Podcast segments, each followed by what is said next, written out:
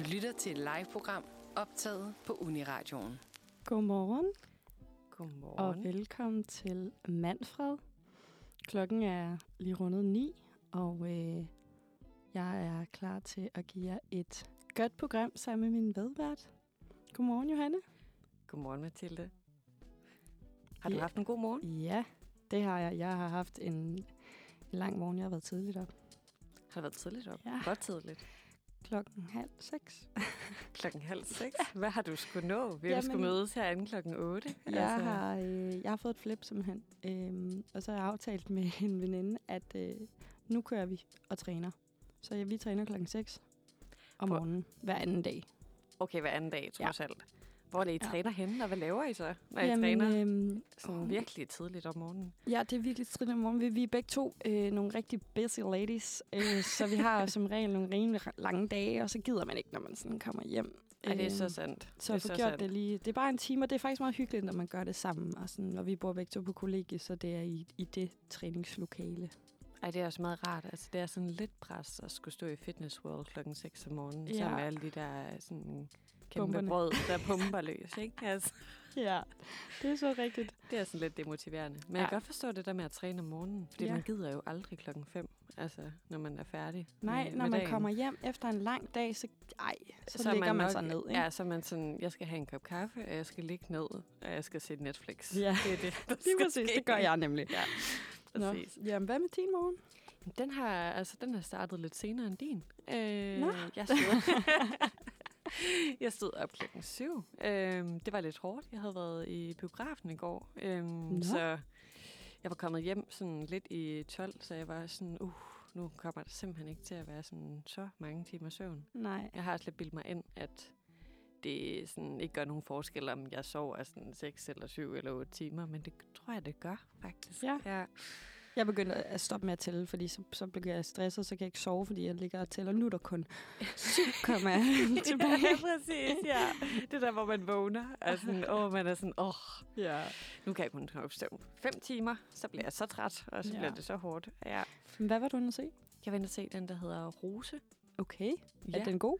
Synes du? Jeg synes faktisk, den var enormt fin. Øhm, faktisk rigtig rørende. Okay. Det var også helt, øh, det var impulsivt. Jeg gik ind og så den med min søster, som jeg bor med. Og så lidt over seks var vi bare sådan, skal vi gå i biografen? Og så gik okay, vi på dagen? ja, på dagen. Det, Så- det lyder fedt. Det var virkelig rart. Altså totalt rart. Den var virkelig sådan sjov og rørende. Og ja, rigtig fin faktisk. Ja, der var, var der god nok sådan mængde humor i den? Jeg har fået, jeg har kun set traileren, men jeg sådan, den ser ud som om, at den er, den er rimelig komisk. Ja, altså jeg tror faktisk, den var mere alvorlig, end jeg regnede med. Men altså, Ja. der var også rigtig meget humor i den. Altså vil jeg også sige. Det, var, det fungerede rigtig godt. Altså den var... Men sådan, der, jeg tror mere, den er et drama, end sådan en komedie, vil Ja. jeg egentlig sige. Ja. Altså, Øh. det kunne jeg også forestille mig ud for sådan nogle danske film der. Ja, den var meget sådan dansk film Ja, ja, Det sad ja. jeg virkelig faktisk og tænkte over, mens jeg så den. Ja, men jeg føler lidt, det er sådan på en måde en genre for sig selv. Det er sådan den der danske film. Altså sådan Ja, dansk præcis. drama, eller sådan. Fordi så, uh, så kommer der lige nogle humoristiske indslag, men uh, så er det seriøst igen. Altså, Jamen præcis. Altså jeg tror, sådan, jeg sad og tænkte, sådan, kunne den her film også gå i USA? Eller kunne den, altså, hvad, sådan, kunne den blive genindspillet? Altså også fordi jeg sådan, havde siddet tidligere på dagen og set på, sådan, hvem der kommer til at, der var også uddeling på søndag, hvem der kommer til at vinde. Og en af dem, der sådan, er favoritterne, er sådan en genindspilning af en fransk film. ja. Sådan, og det tænker jeg, sådan, det er ret sjovt, det der med sådan at overføre sådan noget humor og noget Ja, måde at et snakke på, er sådan et helt plot til sådan et andet sådan location og et Ja. andet sprog, ikke? Jeg Ja. tror godt, at den måske har den sådan et plot, der faktisk godt kunne være, altså det der med, at det er et roadtrip, og de kører ned til Paris, og der sker alt muligt, og sådan, altså, øh, sådan, det, jeg tror faktisk godt, den kunne også være en Ja. amerikansk film. Mm. Måske Den må jeg ind og se. gør det. Skal vi lige løbe igennem programmet for i dag? Jamen lad os det. Ja, men altså, vi skal jo starte med vores faste crime time-indslag, hvor vi lidt skal høre lidt om, hvilke kriminaliteter, der sker derude i det danske land. Og øh, så skal vi også forbi vores venindebogsloge, og i dag skal vi have lidt mere, end vi plejer. Mm. Vi skal nemlig have to nye medlemmer. Det hører vi meget mere om senere. Og så skal vi øh, i denne uge, har vi temaet tid. Så vi skal simpelthen øh, have en lille quiz. Natasha kommer ind og quizzer os i, øh, i tiden. Og hvornår var det nu, det skete, som jeg har forstået det. Spændende. Meget spændende. Og så øh, skal vi tale lidt om øh, anbefalinger af film og tv-serier, Som handler om tid. som også handler Det- om tid. Ja, det er simpelthen. Og så skal vi også lidt have fat i, hvorfor det nu er, vi sætter ud og frem og Ja. tilbage. Det skal jeg ved, Altid ved det faktisk spændende. ikke. Velkommen tilbage Velkommen til Manfred. Vi øh, er nået til vores faste segment her på onsdagsredaktionen, nemlig Crime Time. Og øh, der har vi simpelthen sat os for at holde jer opdateret ud øh, på kriminaliteten ude i det danske land. Hvad har politiet været travlt med her de seneste dage? Hvad er der sket? Hvornår skete det? Hvem har gjort det? Bare rolig. Vi har jer. Vi har svarene. Vi har tre kriminaliteter, vi skal igennem. Den første har fået overskriften Svendstrup, vaskemaskine og spejle stjålet ved indbrud i bolig. Uh. Spændende. Okay, Ja, er du klar til den, Johanne? Yes. Okay. En ukendt gerningsmand mand brød ind i en bolig på bag, Bagtastene. Bagtastene. Bagtastene. Ja, det ved jeg ikke lige, hvad er. Men det ligger i hvert fald i Sve- Svendstrup. Og det gjorde han simpelthen mellem søndag øh, den 13. marts kl. 14 og søndag den 20 marts kl. 9. Og blandt de stjålne genstande, der var, og her får du nogle valgmuligheder. Sølvbestik, et rivejern og en røremaskine. Eller et fjernsyn, et sofabord og tre DVD'er. Eller en vaskemaskine af mærket Bosch, to spejle og et brusehoved. Hvad tror du? Har du hørt efter, hvad jeg har sagt? Jamen, jeg, jeg tænker faktisk, at uh, nu, uh, nu hørte jeg jo rigtig godt efter, hvad du sagde i overskriften. Ja, så jeg det- tænker, at jeg går med sidste Det vil det være. Bingo! Det er rigtigt. Jamen, altså, det er jo helt fantastisk. Nå, men øh, Jamen, det, altså, det er da spændende. Altså, jeg stussede virkelig over, hvor langt et tidsrum, der kunne være sket den her forbrydelse i. ja. Altså, det er jo en hel uge, men jeg tænker, de må have været på ferie. ja, det håber jeg da. Det, øh, Altså, de er ikke bare lige har sådan, været en uge i Føtex eller et eller andet. Men altså, det er da nogle mærkelige ting at stjæle. En vaskemaskine af mærket Bosch. To spejle og et brusehoved. Hvad tror du, han skal bruge det til? Jamen, altså, sådan umiddelbart tænker jeg, at de fleste stjæler ting for sådan ligesom at sælge det og få noget profit, men sådan et brusehoved, altså det koster jo ikke. Vil du købe det på det bag? Øh, nej, jeg tror bare, jeg vil gå ned i Netto eller Føtex eller et eller andet i den stil og købe mig et nyt brusehoved. øh, jeg tror ikke, jeg vil købe et på DBA. Det kunne godt være, det er sådan et helt vildt fancy et. Sådan et, mm. sådan, hvor det er sådan stor, sådan stråle. Ja, og sådan nærmest et vandfald, der Ja, kommer ud. og sådan noget. præcis. Øhm, men også to spejle, og så sådan øh, vaskemaskine. Jeg tænker, de burde da også have taget de andre sådan hårde hvidevarer, hvis de nu var i gang, ikke? Jamen, hvis han kun var en, tror du ikke, det er lidt meget at, at skulle altså, men- transportere ud men jo, huset? alligevel, Ej, han havde en men- uge. Han havde en uge. Han havde en uge til det, simpelthen, den her forbrydelse. Altså, jeg tænker, hvis man godt kan bære en vaskemaskine, så kan man satme også godt bære noget mere. Altså, Du tror ikke, han skulle til at renovere sit eget hus? det kunne det jo faktisk godt være. Altså, at han simpelthen tænkte, jeg mangler sgu nogle spejle, jeg mangler... Altså, det er jo faktisk alt sammen noget, der passer ind på badeværelset, det her. Gud, Det er måske bare sådan et badeværelses øh. Måske han havde gang han, han havde forvekslet lidt det hus der med måske sådan Silvan eller sådan noget. Ja, det det kan var være, det har det sådan en en silver uge. look. Ja, ja, præcis. Ej, var det ikke det? Jo. Yes. Jamen, altså, jeg tænker, at jeg tager dig med videre til vores næste forbrydelse, der er sket i løbet af den her uge. Vi skal en tur til Støvring, Ja. og øh, dengang har der også været et indbrud, men nu er det i et sommerhus. Igen har det været i løbet af en uge, at det er sket, det her. Hvad sker der, mand? Det er mellem søndag den 13. marts kl. 15 og lørdag den 19. marts kl. 11 begik en ukendt gerningsmand indbrud i et sommerhus på Clausbjergvej i Støvring. Blandt de stjålne genstande var en natkikkert, høretelefoner, samt en del af en varmepumpe. Altså, jeg kan ikke lade være med at tænke på, nu er jeg så ikke så skarp i øhm, geografi, men altså, er det den samme person, Det der har været i gang, også og tænkte der over. er i gang med at sådan skaffe alt? Det er jo det et samme som kæmpe- tidsrum. Ja, altså, det, ja, netop. Altså, hvor mange har været på ferie den uge? For det er jo ikke vinterferien eller sådan noget. Det er jo virkelig sjovt. Ej, at- det er så mærkeligt. Men det er lidt nogle andre, øh, det er lidt et andet tema, øh, der bliver kørt her. Natkikkert, høretelefoner og en varmepumpe. Del Ja. af en varmepumpe, ikke engang en hel. Nej, nej, nej, præcis. Altså måske har han manglet sådan en lille sådan, snif til sin, øh, for sin varmepumpe op at køre, og så tænkte jeg, bryder sgu ind i et sommerhus. Det er simpelthen det. Det er nemmere. det er nemmere end at tage i Silvan igen. Jeg ved ikke, om man kan få en varmepumpe i Silvan. Det ved jeg faktisk Nej, ikke. jeg ved faktisk ikke helt, hvad en varmepumpe er. Må jeg også Ved du ikke det? Nej, det er altså ikke i orden. Det er ikke Min ondt. far sælger varmepumper.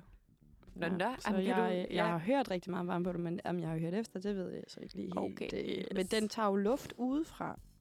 Og så, så kører den igennem den der varmepumpe, og så kommer der Nå. luft ind i rummet. Så kan man jo både have varm luft eller kold luft. Så det er også lidt en, måske en aircondition. Men det er ligesom sådan en boks, der sidder.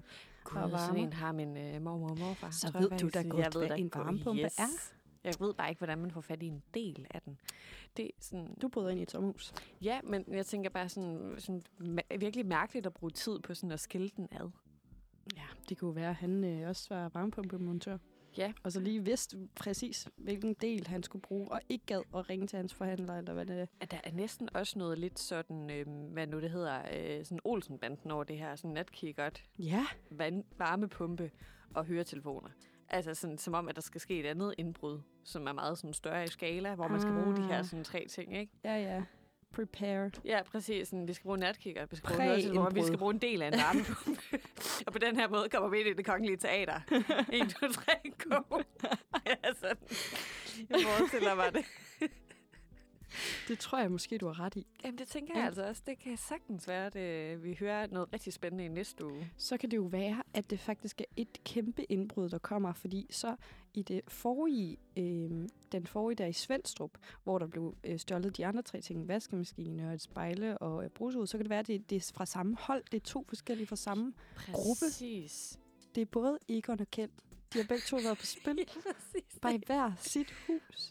Det tror Netop. jeg. Det tror jeg altså også, det er. Jeg tror simpelthen, det er en del af en større konspiration, det her. Jeg er meget spændt på at se, hvad alle de her ting skal samles og bruges til. Altså, måske skal den der vaskemaskine være noget, der larmer. Ja. Ja, Altså, sammen med den der del af den der varmepumpe. og så eksploderer Wow. den til sidst, og så, så åbner pengeskabet. Så bruger man spejl til. Spejlet til at sådan forvirre folk eller et eller andet i den stil. Yes. Skal vi lige høre her om, om uh, Benny er den sidste i rækken? Yes, hvad også det. Det er simpelthen øh, den her gang i Skive. Øh, og har fået overskriften Træt af at være i Skive. Nå. En 48-årig mand fra Jørgen havde til synlædende haft en knap så god weekend i Skive. Søndag aften kl. 21.05 bemærkede en 34-årig mand fra Skive, at en mand pludselig var ved at stjæle hans bil, der holdt parkeret på parkeringspladsen ved Fakta i Asylgade. Oh, nederen. Den 34-årige så, at manden bankede et redskab ned mellem vinduet og gummilisten i førersiden. Det fortæller den her politiassistent, der hedder Niels Bak. Det fortæller han til lokalpolitiet Skive. Og så fortæller han også, at herefter øh, så gik den 34-årige ejer så hen til bilen og hen mod manden, der stod banket det her, og kaldte ham til sig. Og da han kom tæt, altså tættere på, så kunne han se, at redskabet, manden havde banket mod bilen, var en kniv. Uh! Da han så, at det var en kniv, han havde i hånden, spurgte han, om han ikke ville lægge den fra sig. Og det gjorde den 48-årige uden problemer. Og derefter så blev han spurgt, om han ikke ville blive stående på stedet, mens der blev ringet efter politiet. Og det gjorde han også uden problemer. Imponerende. Altså, sikkert en øh, velopdragen øh, tyv. Ja, altså, det må op. jeg sige. og da så politiet de nåede frem her til gerningsstedet, så øh, erkender ma- manden, ham her, den øh, 48-årige, han var så fra Jørgen, han erkender forsøg på teori, teori og overtrædelse af våbenloven. Og alt det blev simpelthen ordnet på stedet, for øh, der var intet bøvl med ham overhovedet. Han forklarede bare, at han var blevet træt af at være i skive, og han simpelthen manglede et køretøj til at komme væk. Altså, det kender man jo godt. Ja, altså, man bare har brug for at komme hjem. Og man simpelthen ikke gider Han skulle mere. bare hjem til Jørgen. Han skulle Og bare... det kunne bare det kunne kun gå for kun- langsomt. gå for langsomt. Jamen, altså, jeg tænker, det er da en god pointe lige at, at slutte øh, på her. Ja, Velkommen tilbage. velkommen tilbage. Ja, vi har jo lige hørt en, en god uh, crime time.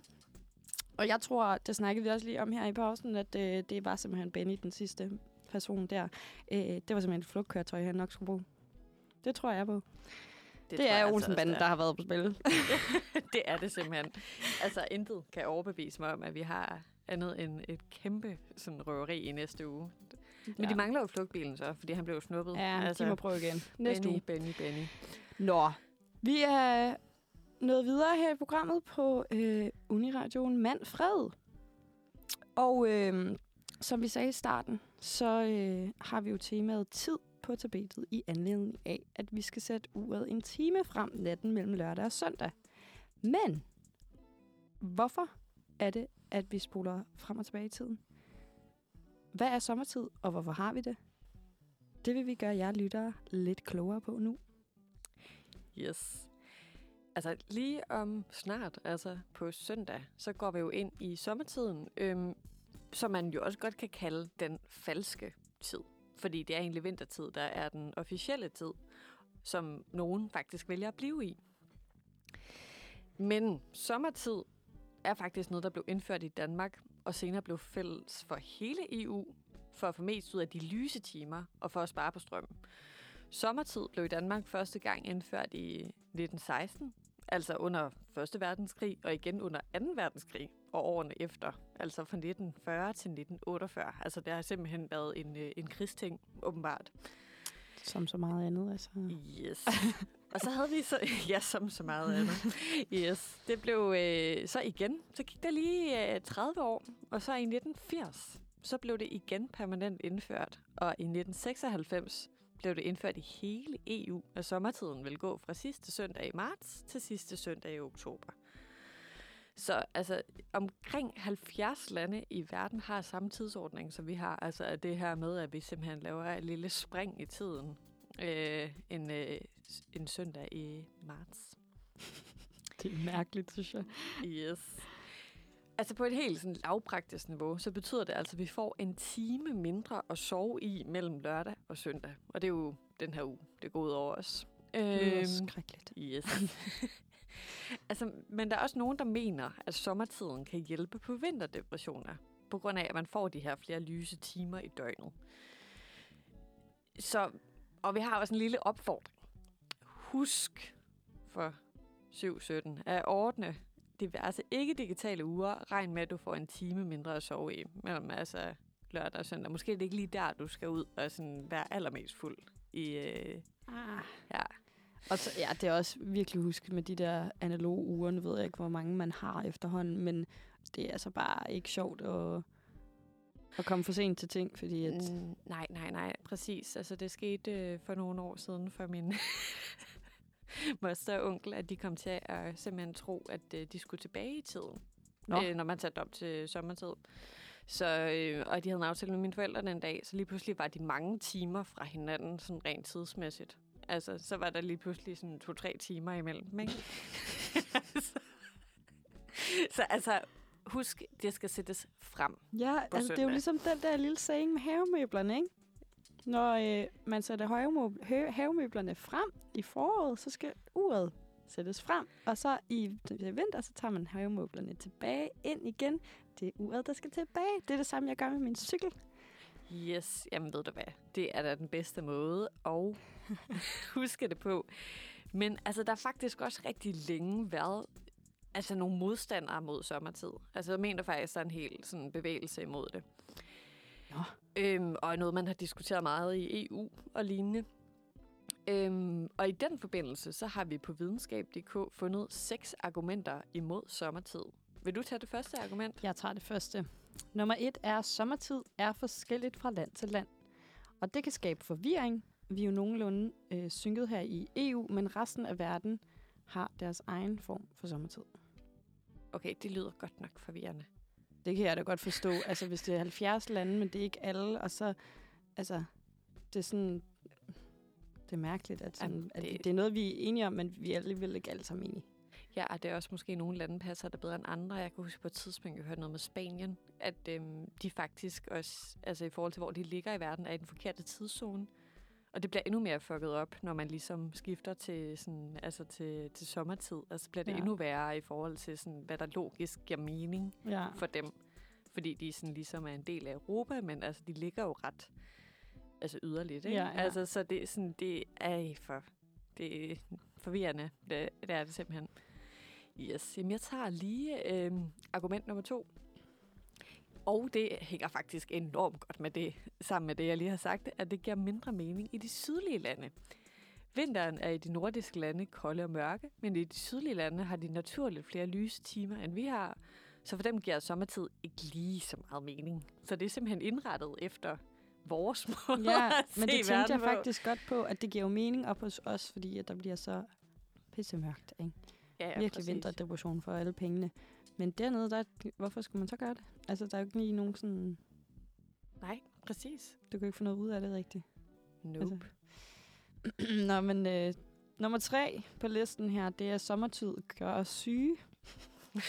okay. Fordi vi har fucket op i vores døgnrytme og oplever derfor søvnmangel, som øh, er livsforkortende.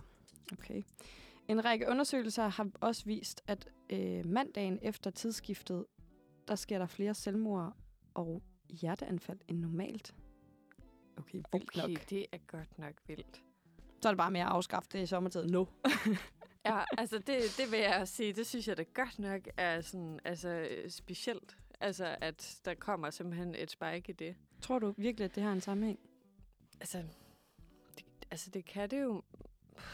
Den Altså, der er, jo, der er jo meget måske, der kan trick folk. Øhm, altså, jeg tror bare, jeg vil sådan sende en sød lille opfordring afsted og sige, at du kan altid ringe til livslinjen, hvis du øh, Enig. har det i tanker. Øhm, men altså, det er da vildt, hvis... Altså, man, man kender jo godt det der med, at søvnmangel kan gøre en meget desperat. Øh, Også rigtigt. øh, meget sandt. Men det er virkelig... Øh, ja, men det er jo forstyrrende med døgnrytmen. Det har man jo selv prøvet, når man har jetlag. Eller sådan rejser til... Altså, det er sådan et sted, der har en helt anden sådan, tidszone i en selv, ikke? Altså, ja. Hold da op. Yes. Jamen, altså, nu skal vi videre til noget... Altså, fjerde argument, som også er ret alvorligt. Øh, sommertid dræber dyr. Voldsomt. Dyrene, de kender altså ikke klokken, sjovt nok, og ved derfor ikke, hvornår der bliver skiftet i tid, hvilket fører til, at flere dyr bliver kørt over, da dyrenes daglige madjagt plejer at være uden for myldretiden. Men ved at sætte ud og frem, da myldretiden rykkede. Ja, det kan jeg Ej, godt se er et problem. Ej, men altså, ved hvad, det er kan sådan, jeg godt hold se. kæft, hvor er det synd for alle pindsvinene. altså, simpelthen, så bare most ned af den der bil, ikke? Oh. Ej. Altså, simpelthen. Det, ej, det synes jeg faktisk også er et reelt problem. Det er da godt nok sådan noget mere alvorligt, end vi lige troede det her. Ja, det havde jeg faktisk heller ikke tænkt over. Jeg ved ikke, den, nummer 5 var ikke lige så... Jo, ej, den er alvorlig, men ikke dødsalvorlig. øh, det er nemlig, at sommertid er ikke energisparende. Som jo ellers er et af argumenterne for, at vi har sommertid, som vi hørte i starten. I de lidt varmere lande betyder sommertid som sagt flere vågne soltimer, men også flere timer, hvor man gør brug af diverse airconditions, som jo bruger en masse energi. Dong Energy øh, de har lavet en undersøgelse for, hvor meget man i Danmark sparer på at skifte til sommertid. Og vi sparer ikke mere end 1% energi på skiftet. Det var godt nok ikke særlig meget. Er det så det værd? ja, det er så det værd for lidt ekstra lys. Men jeg tror, at det, der er jo noget, der tyder på, at det ikke er det værd. Øh, I hvert fald med de her argumenter. Nej. Jeg går lige videre til det sidste argument. Sommertid gør os uproduktive. Det menes nemlig, at vi i ugerne efter skiftet i sommertid, er vi mere uproduktive på grund af søvnmangel, da man ikke kan koncentrere sig særlig godt, når man er træt. Okay, altså jeg tænker måske, altså, at sådan den der ene time søvnmangel, den har man jo tit om søndagen, ikke? Altså, Det går nok lige, ja. det går måske. Ja, ja, ja. Men, altså vi tænker, efter at nu har du fået præsenteret øh, seks argumenter mod sommertid, og så kan du måske spørge dig selv, hvorfor har vi den sommertid? Og det har jo også været, som vi startede med at sige op flere gange, om den sådan skal afskaffes. Altså, det er jo stadig ikke sket. Og i 2022 har dronning Margrethe den anden, vores kære dronning, igen skrevet under på en lov, der forlænger sommertiden. Så det tyder ikke lige umiddelbart på, at At det bliver øh, afskaffet. At det lige skal lige forløbe, at vi skal, skal ud i det. Men nu tænker jeg, at vi skal høre noget nyt musik. Ja. Velkommen tilbage her til Manfred på Uniradioen. Din værter er Johanne og undertegnet Mathilde. Og vi øh, har jo lige snakket lidt om, hvordan vi rykker tid, eller hvorfor vi rykker tid frem, og sommertid og alt muligt argumenter for, hvorfor vi ikke skal have sommertid. Og vi går simpelthen videre i temaet nu. Øh, vi har fået en gæst ind i studiet. Det er Natasha. Velkommen til. Mange tak. Du er jo også her på onsdagsredaktionen. Det er jeg nemlig. Tak fordi jeg må komme ind og quizze i dag. Ah, men tak fordi du ville komme. Altså. Og øh, ja, du har jo lavet en lille quiz til os. Ja, det har jeg nemlig, og det er en quiz om tid. Men bare rolig, jeg vil ikke begynde at teste jer i årstal og hele muligheden. Det er jeg glad for. Øhm, Det lyder godt. jeg, vil, jeg vil hellere øh, teste jer i, hvor, hvor gode I er til at vurdere, øh, hvad der kom først. Øhm, er I klar på det? Ja. Det lyder rigtig spændende. Ja. ja. Øhm, jeg kommer lidt mere ind på, hvad det handler om, men jeg tænker, at vi først hører den jingle, jeg har forberedt til den her quiz. Yes. Jamen, jeg prøver lige at finde den her, og den kommer nu. Hmm. Hvad kom først? Hvem kom først? Hvornår var det lige? Ej, den var fed. Ja, det Det er simpelthen noget af det bedste, jeg længe har hørt. Hold kæft, den er god. Fedt. Og sådan, som I måske kunne høre, så er jeg lidt inspireret af den, det her klassiske spørgsmål. Sådan, hvad kom først? Hønen eller ægget? Og så inden vi lige begynder at øh, komme dykke ned i, i spørgsmålene, så vil jeg lige høre jer. Har I et bud på, hvad der kom først? Hønen eller ægget? Ægget. Altså, det er sådan... Øh, sådan høn. Altså, men tror jeg faktisk, er Det er aldrig blevet spurgt om det her før, så nu svarer jeg bare. Jamen, øh, jeg kan sige jer, at øh, svaret det er faktisk ægget. Yes! Fordi at, øh, der er meget, der tyder på, at det kom først helt tilbage øh, for ja, 100, nej, 100 millioner år siden, øh, da dinosaurerne boede på kloden. Øh, og hvis man laver det her stamtræ, så kan man se, at fuglenes nærmeste slægtning er krybdyrene, så fugleægget er faktisk en videreudvikling af krybdyrægget. Okay, der var jeg lige klog, var uden at vide det. Yes, yes. så fik vi lige den på plads. Nå, men øh, jeg tænker, I, går, I varmet godt op. Øhm, så øh, skal vi lige høre jeres quizlyd? Ja. Yes, jeg Øhm. tænker, at vi går øh, først med min. Ja. Okay. Dramatisk. Dramatic. Jamen, så tager vi Jeg tager her. Yes. Okay, du fik bare den fede, og jeg fik bare den... Ej, jeg synes, det er mere hyggeligt. Min er sådan ja, lidt dommedag. lidt- Præcis, jeg prøvede at gøre det sådan lidt tidsagtigt. Åh, Nå. hvor godt. Jamen, øhm, er I klar til det? ja. Det Ja. er vi da. Okay, vi starter øh, med kategorien opfindelser. Og spørgsmålet lyder således. Hvad kom først? Coca-Cola eller den første succesfulde flyvemaskine? Mathilde? Jeg tror, det er Coca-Cola. Og det er rigtigt! Yes! Det er jo så gammelt. Yes, det er det nemlig. Vi har kunnet drikke Coca-Cola i 137 år, øh, hvor flyvemaskinen den blev opfundet i 1903. Og øh, lige en øh, fun fact. Bortset fra okay, så er Coca-Cola det ord, flest mennesker over hele kloden kender.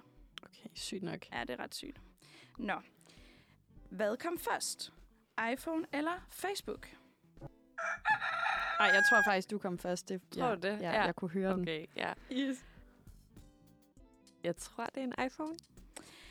Da, da, da, da, da. Det var faktisk Facebook. Nej. Det ej, blev for øh, grundlagt i 2004, men du var rigtig tæt på, fordi iPhone kom ud i 2007. Ja, og vi kom først på her i Danmark i 2006-2007. Okay. Ah, så er det derfor. Ja, det Ja. kan bruges som undskyldning. Ja. Ja. Så øh, Mathilde får det point. Uh, to point. Ja, 2-0. Skal vi lige tage en til, og så Ja. øh, skal vi høre lidt musik? det synes tænker jeg. Hvad kom først? Orion eller computeren? yes. Johanne? Altså, Oreo. Det er rigtigt. Yes. ja, den blev introduceret for 110 år siden. Øh, nemlig i, Ej, er øh, den så gammel? Ja, det er helt vildt. øhm, og computeren kom, den første computer kom i 1945. Vildt nok. Ja. Hold da op. Ja, Ja, men altså, så hvad står der nu? 2-1? det står 2-1 til dig, Mathilde. Hmm. Hvad kom først? Hvem kom først? Hvornår var det lige? Så er vi tilbage igen. og som I kan høre, så er det simpelthen en tidsquiz, vi er i gang med. Yes, det er vi nemlig. Øhm, og øh, skal jeg lige øh, opdatere på stillingen her? Ja, tak. Yes, Mathilde, hun fører 2-1. Okay, men øh, vi har jo lidt spørgsmål tilbage, så øh, jeg tænker bare, at vi dykker ned i det. Ja, og øh, det. næste tema, det er historiske begivenheder. Åh oh, nej. så, hvad kom først? Den første månelanding med Apollo 11 eller Berlinmurens fald? Yes, Johanne? Det var Apollo, altså månelanding. Det er nemlig rigtigt. Yes. Det var i 69. det er så flot. Og 20 år efter var Berlinmurens fald. Så vi opdaterer lige stillingen her. Nej, det var forkert. Nå. Næste spørgsmål. Hvad skete først? Var det stemmeretten til kvinder eller den frie abort? Mathilde? Stemmeretten til kvinder. Det er nemlig også rigtigt. Yes. Det skete ved grundlovsændring i 1915, og fri abort det var altså først i 1973. Flot. Yes. yes. Næste spørgsmål. Hvad skete først? Danmark fik sin første kvindelige statsminister, eller at det blev lovligt for to af samme køn at indgå i et ægteskab? Oh. At vi fik øh, verden, altså vores første kvindelige statsminister, ikke? Det er nemlig rigtigt. Ja. Det vidste Og- jeg godt. Vil jeg bare lige øh, sige. ja, fordi var det ikke hende, der indførte, at man kunne blive... Eller sådan, var det ikke hendes regering, der ligesom gjorde det? Jo, lige Jo, jo, præcis. Det var fedt. Helle Thorning i øh, 2011, øh, og det var så øh, den 7. juni 2012, at øh, det blev lovligt for to af samme køn at gifte sig. Ja, og vi havde øh, vores, en lille fun fact, vores første kvindelige minister, det var i 1924, men der gik altså lidt tid, øh, inden det blev øh, tid til, at, at vi kunne få en kvindelig statsminister. Og det må man da sige. Yes, og nu skal jeg lige se her, nu er jeg lidt dårlig til at holde track på, hvad stillingen står. Nu står det ikke 3-3. Jo, men det, ja, okay, Okay, godt. du har styr på det derovre, hva'? det tror jeg, det, det gør. Fantastisk. Okay. Øhm, ja, fjerde spørgsmål her. Hvad skete først? Kronprins Frederik og kronprinsesse Marys bryllup, eller dronningens 70-års fødselsdag? Mathilde? Det må være brylluppet. Det er nemlig rigtigt. Yes. Ej, er Åh. gode til det her. øhm, dronningen hun fyldte 70 den 16. april 2010, mens Frederik og Mary de blev gift den 14. maj 2004 i Vor Frue Kirke i København. Øh, og en lille bonusinfo. Øh, til brylluppet, så kunne man høre Frederik sige, Jeg elsker dig, Mary. Kom, lad os gå. Kom, lad os se. Gennem tusind verdener venter vægtløs kærlighed. Ej, jeg græder næsten nu. Simpelthen Ej, det er da smukt. Det er den der Lars Hug-sang, ikke? Åh, oh, ja. Det ved jeg ikke. Mener faktisk, det er citat på den sang. Ja. Ja, Oh my god, endnu bedre. jeg ved, den, der hedder Elsker dig for evigt. Jeg tror, det er den. Men Nå. der, ja. Ja, jeg har hørt den version med yogaen. Har I hørt den? Oh, har du sådan en, man lidt øh, har glemt fandtes på en eller anden Ja, måde? ja, fuldstændig. Jeg kan ikke helt teksten, så det er nok derfor, at den ikke er galt. Yes. Nå, hvad står stillingen så nu? Jamen, øh, den står 4-3 til Mathilde. Okay, Ja, men meget kan nå at ændre sig. Ja. Øhm, men øh, Skal vi lige høre et, Ja. øh, et nummer, og så øh, går vi videre med quizzen.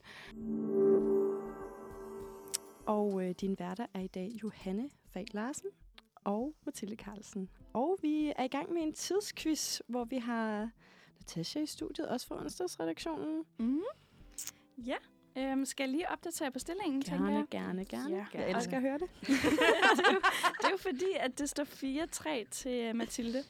Men, men, men, vi har stadig fire spørgsmål tilbage, så øh, meget kan nå at ændre sig.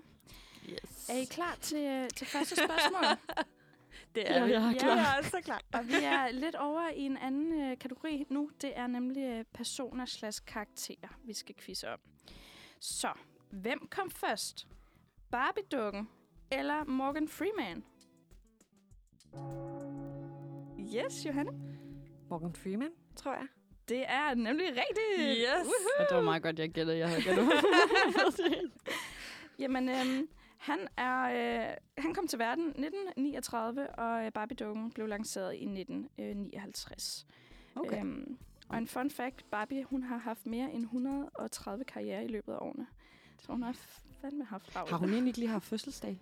Er det ikke noget med det? Var der ikke sådan her for så Ah, noget ja. tid siden, så var der Barbies fødselsdag? Jo. Er det bare mig, der... Men det må det jo have været i sådan... Altså, hun må have fyldt 60 i, hvis jeg kan regne rigtigt, i 19. Og det er jo heller ikke mm. så lang tid siden. Men jeg synes lige, at der har Ej. været sådan noget med Barbies fødselsdag. Men det, det kan Ej, jeg har sagtens være. sikkert ret. ikke. Jeg Nu ved øh, fik ikke. jeg ikke noteret den, øh, den helt rigtige øh, dato her, men øh, nå. nok om det. Det må I google derude. øh, næste spørgsmål. Hvem kom først? Harry Potter, altså den første bog, eller Harry Styles?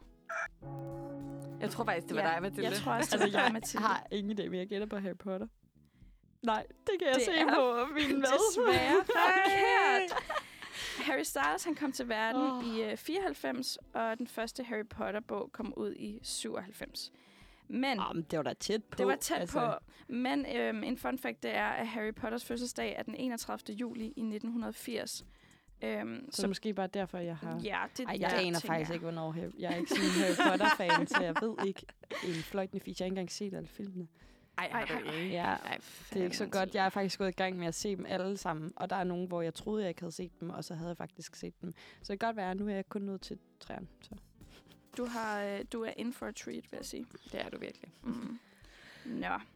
Næste spørgsmål. Hvem kom først? Donald Duck eller Donald Trump? Yes. Donald Duck. Det er nemlig rigtigt. Yeah! øhm, Anders Sand, som han øh, er kendt her i Danmark, det, han kom til verden i 1931, og Donald Trump han kom til verden den 14. juni i 1946. Øhm, så det er fuldstændig korrekt. Og øh, også en fun fact til den, det er, at øh, i starten der blev øh, Anders Sand faktisk kaldt Rasmus Rapp her i Danmark. Så jeg ved ikke, hvad jeg foretrækker. Nej, det kan jeg ikke lide. Rasmus Rapp. Ej, Ej, det, det lyder Det er jeg godt ikke i. Det var godt, det blev ændret. ja, det synes jeg også. Jeg kan mærke lidt, at det går ned af Ja. down øhm, the hill for mig herovre. Jamen, uha. Stillingen, den øh, lyder 6-4 til Johanne. Ej, hvor er det øhm, noget pis. Du kan faktisk ikke nå det, øh, Mathilde. øhm, Skal du t- altså, sparke til en, der ligger ned? ja, det, det, øh, det bliver jeg nødt til. øhm, men øh, skal vi ikke bare øh, have det sidste, sp- his, Sidste spørgsmål. det sidste spørgsmål alligevel? øhm, hvad kom først? Pac-Man eller Black Man? ja, var det, var det dig, Mathilde? det var mig. Det tror det var.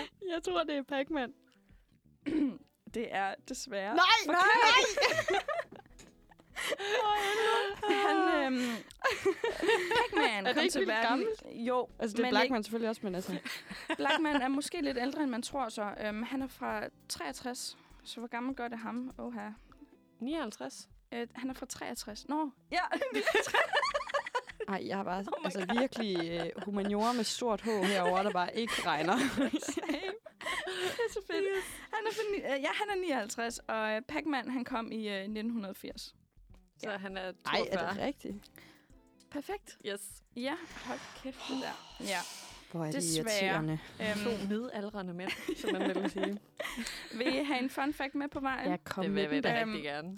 Pac-Man, han hed originalt Pac-Man, men navnet blev ændret. Kan I gætte hvorfor? Pac-Man. Er det sådan, er det noget med ishockey at gøre? Eller? det ikke. Nej, ikke helt. Det er fordi, at øh, man var bange for, at, øh, at folk ville... Øh, Sige pik. øh, fuck. Nå. Nå. for at øh, det ville blive til en meme. Så i stedet for Pac-Man, så fuck-man. Fuck, man. Nej, det, vil- det ville heller ikke have været god, vel? Nej, så man ændrede det altså sådan øh, ret hurtigt Ja. til Pac-Man. Nå, jamen, øh, ved I, hvad det betyder? Det betyder, at Johanne, hun vandt quizzen 7-4. Yes. Oh my god. Altså, jeg til mig. synes ellers, at jeg kørte med glatten i starten. og så kan det godt være, Johanna, at du er en lille bit smule bedre end mig. Og den får du også. Næste quiz, så vinder jeg. Jamen, jeg tænker, vi skal have en rematch på Ja, et Ej, jeg er heldigvis ikke så dårlig en taber. Ej, det lover jeg faktisk, det er jeg ikke. Og det er godt. Måske kan du trøste dig lidt med at høre lidt musik. Ja. Hvem er det, vi skal høre med til? Jamen, vi skal simpelthen høre Højlund med nummeret Glemtet. Velkommen tilbage her til Manfred på Uniradioen. Din værter er Johanne Fej Larsen Præcis. og Mathilde Carlsen. Jeg sagde det forkert før, gør jeg ikke? Jeg Jamen, sagde, det gjorde du faktisk. Ja, men og jeg har bare altså- spurgt syv gange. Åh, men jeg kender godt det, hvor man er Ja. sådan... Så kan man slet ikke mærke, Det hvordan det, af. ligger i munden, Ja. når man så fej, siger fej, det. Ikke? fej, fej, fej, fej, fej, fej. Så fik vi godt nok sagt mit øh, mellemnavn mange gange. Nu har jeg den også. Nu har du den. Nå, vi har lige Yes. været igennem en øh, tidsquiz, hvor at, øh, jeg desværre tabte. Men øh, Yes. tillykke til dig, Johanne. Tak. Den heldige Det vinder. lød næsten, som om du mente det. Ej, tillykke med det. Jeg tabte jo også kun med tre eller to. Oh, Ja. Men nok om det. Vi øh, fortsætter vores tidstema nu. Øhm, og vi skal simpelthen ind i film- og tv's verden. Vi har nemlig her på redaktionen fundet de bedste film- og tv-serier frem, i forhold til os i hvert fald. Øhm, og de handler om tid. For eksempel i form af hobbytid, eller tidsrejser, eller lignende. Og øh, Johanne, du har simpelthen en anbefaling med. Jamen, det har jeg. Øh, det er en film fra 2016, mener jeg, der hedder Arrival. Og øh, altså, det her det kommer egentlig til at være en kæmpe spoiler. Jeg, øh, altså, at jeg tager den med her. Fordi den virker ikke umiddelbart, som om den handler om noget med tid. Øh, så hvis du ikke vil have Arrival spoilet, så hold dig lige for ørerne et par minutters tid. Har du set den, Mathilde? Nej, jeg har faktisk ikke. Åh. Men jeg vil godt have den spoilet, fordi nogle gange så har jeg virkelig svært ved at se film, og så skal jeg lidt vide, hvad den handler om, før jeg gider at se den. Det kender jeg faktisk sådan... Er du, gør du også en gang imellem det der med, du læser den sidste side i en bog? Jeg læser ligesom- ikke så mange bøger. Men kunne Men du finde kunne på, finde på ja, det, ja. ja. super. Yes. Jamen, altså, Arrival handler umiddelbart om en række rumskibe, ikke rundskibe, men rumskibe, der lander forskellige steder rundt om på jorden, og så er der en gruppe forskere, der ligesom skal finde ud af, altså, hvorfor er de her? Hvad ved de? Øhm, og i begyndelsen af den her film, så ser vi vores hovedperson, som er en sprogforsker, og skal sådan ligesom, hun skal ligesom øh, kommunikere med de der aliens. Og øh, ser man hende og hendes barn i sådan hele introsekvensen i filmen, hvor vi ser barnet vokse op og efterhånden dø meget sådan tragisk, meget ung. Og sådan undervejs i filmen ser vi hele tiden sådan bidder fra sådan hele, alle hendes oplevelser med hendes sådan datter igen. Og langt hen ad vejen, så tænker man jo, sådan, det var i starten af filmen, det er noget, der er sket før hele sådan, hovedplottet går i gang. Men nej, altså til sidste film finder jeg ud af, at det, sådan, hovedpersonen skal lære for de her aliens, det er at kunne sådan, opleve livet og verden, uden at være bundet af tid. Så alle de små glimt, vi har set, det er noget, der sker senere. Altså okay. en, hun, en, hun møder i løbet af filmen, en af de andre forskere, det er ham, hun ender med at få det her barn med. Så vi finder egentlig ud af, at, sådan, at tid er noget, man bare kan sådan hoppe og springe i, og hun oplever alt på én gang på en eller anden måde. Og ikke linært. Og sådan, det får en til, sådan, til slut til sådan at stille spørgsmål. Altså hvis du ved, at hun ved simpelthen, da hun sådan beslutter sig for at få det her barn med den her mand, hun har forelsket sig i, at det her barn vil dø, og at hendes mand vil gå fra hende. Altså, så hun ved, at alt det her kommer til at ske, men hun ved også, at hun kommer til at elske det her barn enormt meget, og så vælger hun at gøre det alligevel, det hele. Ja. Og det synes jeg bare, at det er en enormt... Altså, jeg tror aldrig, jeg er blevet sådan rigtig rørt af en sådan tidsrejsefilm, eller sådan, altså, den er meget sådan teknisk og meget nørdet og meget sådan sci-fi. ja, den lyder lidt forvirrende. Det er mega forvirrende, men det er også enormt rørende. Ja. Altså, på en eller anden måde. Det er sådan hele det der klimaks med, at hun ved, altså sådan, ved, hvad der skal ske, men gør det alligevel. Ja. Fordi hun bare sådan tænker, kærlighed er større, end at det, hun ved, hun kommer til at miste det her barn. ja. Okay, vildt nok. Den må Øh, jeg se. gør også, det. Også Rose og Arrival nu. Yes. På listen. Spændende. Okay, meget forvirrende tidsmæssigt. Jamen, altså, men, øh, fuldstændig. Sådan tænkte også, sådan, det må være enormt forvirrende for nogen, der ikke har set den. Altså, den ja. forklaring, jeg kom Ja. ja. med. Men hvad har du med til mig Jamen, af øhm, anbefalinger? Jeg har simpelthen en serie med, Yes. øh, der ligger på Netflix, der hedder The Umbrella Academy. Mm. Ja, øhm, og der kommer jeg ikke til at spoile serien, men jeg kommer til at spoile første afsnit, fordi det sætter ligesom sådan stemningen og hvad det er, der den handler om. Ikke? Yes. Så serien den starter ligesom ud med, at der på samme dag, den 1. oktober 1986, der bliver født nogle af 40 babyer rundt omkring i verden. Af sådan forskellige kvinder, der bare bliver gravide ud af det blå. Ikke? Rimelig mærkeligt. Men ja. øh, ja, altså det er super mærkeligt. Der er også sådan, butleren er en abe, og moren er en robot og sådan noget. Ikke? Så det, er, det, Hold det lyder op. vildt mærkeligt, ja. men det fungerer. I hvert fald så bliver de her børn født, og der er så den her ældre mand, der øh, sætter sig for at adoptere flest mulige af de her børn, og ender med at få fat i syv af dem. Og det fede ved de her børn er, det er, at de hver især har en eller anden superkraft. Så den ældre mand her, han hedder Hargreaves, han øh, skaber det her The Umbrella Academy. Det er nærmest sådan en skole eller noget, hvor han ligesom gør de her syv børn klar til at blive sådan nogle helte og skal redde verden. Så det er ligesom sådan en academy. Og så går det desværre ikke helt efter planen. Øhm, der, der sker nogle ting, som jeg heller ikke lige helt vil spoile, men det gør simpelthen, at familien bliver splittet ad. Og selvfølgelig så starter det ud med, at de bliver samlet igen, fordi at faren, ham her, Hargreaves, han dør. Så børnene, de bliver genforenet, og øh, de er nu voksne, og så, skal de, så sker der lidt sådan, en, der er lidt en tvivl om, hvordan han døde, og det er lidt mærkeligt og sådan noget. Så de sætter sig ligesom for at finde ud af, hvad der i virkeligheden skete med faren. Og i serien, der er der en masse tidsrejse. Og allerede i første afsnit, så øh, får man at vide, at nummer 5, alle børnene har numre, så det er nummer 1, nummer 2, nummer 3, nummer 4, nummer 5, nummer 6 og nummer 7. Så det er så moren, der sætter sig for at give dem navne. Men nummer 5 er så den eneste, der faktisk ikke har noget navn. Øhm, så han bliver bare kaldt nummer 5. Og han er simpelthen forsvundet, så han har været forsvundet i sådan der 16 år eller sådan noget. Og hvorfor man? Svaret er tidsrejse. Han har nemlig den evne, at han kan hoppe i tid og rum. Og så starter det ud med, at nummer 5, han ligesom er forsvundet, øh, fordi han har lavet en tidsrejse, hvor han ligesom sidder fast i. Og der er lidt nogle regler i den her serie med, at når man rejser i tiden her, så øh, er det enten gennem nummer 5, eller det, der hedder kommissionen, som ligesom er dem, der holder styr på de store events, og de sætter ligesom agenter ud for at holde styr på, at de der store events, de ligesom sker. Så de sidder bare og der sidder, det, det er en hel arbejdsplads, en hel virksomhed, hvor de sidder og finder ud af, hvad der skal ske, hvornår det skal ske, er det sket, er der rod her, skal vi fikse det? Det er ret smart, synes jeg. Super smart. Det synes jeg også, man skal se. Det lyder Der er tre sæsoner. Ja, det er jo sådan ligesom alt med tidsrejser. Det er jo voldsomt kompliceret. Altså, men også fedt. Altså, at ens Ja. hjerne kommer lidt på overarbejde.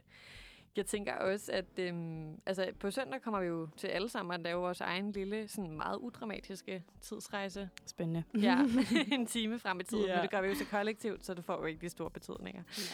Men yes. Velkommen tilbage til Manfred på Uniradioen. Vi øh, har lige snakket om nogle anbefalinger øh, af film og tv-serier med emnet også tidsrejse eller en, eller anden form for tidsspring. Og nu skal vi også til endnu et fast segment her på onsdagsredaktionen. Vi skal nemlig til vores venindebogs loge. Og vi har jo øh, ikke mindre end to nye medlemmer. Øhm, og det første medlem, det, øh, det er musikeren Sille Trolle, øh, som faktisk før har været på Uniradions rotationsliste med nummeret The Day. Og Mathilde fra redaktionen, hun har været en tur ude i hendes studie og taget hende igennem ceremonien. Og det lyder sådan her.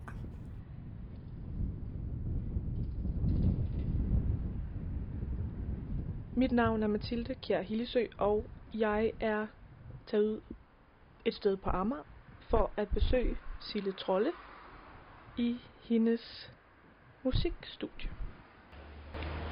Hej, hej, der var du. Hej, hej. Cecilie. Og du hedder Mathilde, ja. Godt se dig. Jeg er Annel Vand her. Hej, hvor dejligt. Du fandt mig. Ja, jeg prøvede. ja. Kom indenfor. Wow. Er det sådan noget, man leger sig ind på? Altså, det er... Øhm, min, øh, altså, ham, jeg laver musik med, det er hans studie. Har været her i mange år. Så det er faktisk... Øh, jeg ved faktisk ikke, om han øh, leger det, eller har det, men jeg tror, han leger det. Sille Trolle, som er dit kunstnernavn. Ja. Og du hedder Cecilie. Ja. Øh, du er jo blevet udvalgt til at blive en del af vores øh, venindebogs Ja. loge på Manfred. Øhm, men altså for at man kan blive officielt medlem af venindebogs logen, så skal man igennem en ceremoni og nogle Okay. spørgsmål. Mm-hmm. Og det er jo sådan nogle spørgsmål, som jeg tænker, du har prøvet før. Ja, har, ud i det. har, du været en, har du været en del af en venindebog før? Øh, altså, jeg har ikke været en del af en venindebog, men jeg har da skrevet venindebøger som, som barn. Ja. Rigtig meget. Det var virkelig inde. Var det en titel? Ja. Ja. ja. ja, det var Diddle og Barbie og Ja. alle mulige, hvad der var. Ja. Så, så du, Det jeg synes tror, jeg du er velkendt med, med spørgsmålene, Ja. vi skal ud i. Ja. Og, men det skal lige siges, at hvis det bliver for personligt, Mm. så har vi et safe word, Okay. der hedder ananas. Så skal du bare Super. sige ananas, og så er det Okay. dit svar. Okay, Ja. super. Øhm, Og man må gerne sige det mere end én gang. ja. Okay. du må Bare ikke kun det. bruge det én ja, gang. ja. Præcis. Okay, vi hopper ud i det. Er du Ja. klar? Ja. Udover mit navn kalder folk mig. Måske meget lidt til. kalder de mig også. Ja, Cecilie, Sille. Øh, Trolle bliver jeg også tit Mm. kaldt jo. Ja. Og det er jo både som øh, kunstner og også i mit øh, almen, almene liv, fordi jeg jo hedder Trolle til efternavn. Okay, den næste. Den alder, jeg føler mig. Og det er altså ikke nødvendigvis den Nej. alder, du har, Nej. men den alder, du føler dig i dag. Mm, mm, jeg, jeg føler mig faktisk meget den alder, jeg er. Ja. Sjovt nok. Altså, jeg tror sgu, jeg hviler egentlig meget godt i, i, i den alder. Ja, det har ændret sig sådan lidt gennem tiden.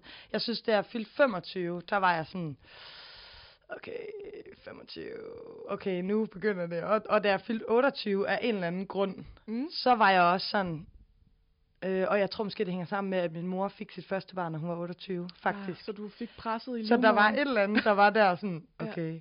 Og jeg kan huske, at jeg sådan stod med mit, øh, mit band, der var sådan, jeg fylder 28 i morgen. Og jeg øh, spiller i band, øh, en der har spillet bas for mig, er sådan 66. Og han var sådan, og Lasse, jeg spiller sammen med, er også mange år ældre end mig. Han, de var bare sådan, okay Cecilie, nu slapper du af. Altså, ja. øhm, men, øhm, men lige nu føler jeg mig meget den alder, jeg er. Faktisk. Ja. Nå, næste. Ja. Livret. Den kan godt være lidt svær, måske. Uh, ja. Jeg føler, man havde det meget, da man var lille. Ja. At der var en livret. Ja. Det har jeg ikke så meget. Altså, øhm, ost kan man altid Ost, ja. Hvad er din servere for mig. øhm, altså, jeg spiser virkelig meget gouda, men det er fordi, det er sådan en helt normal hverdagsost. Ja, ja. Så det spiser jeg bare altid. Mm. Øh, men jeg kan faktisk lide alle oste, Ja. tror jeg. Ej, jeg kan ikke lide sådan en virkelig lugteost. Det kan jeg ikke lide. Men jeg kan for eksempel godt lide sådan... Sådan mugost. Ja, ja, det hedder. kan jeg godt lide. Ja, okay. Ja.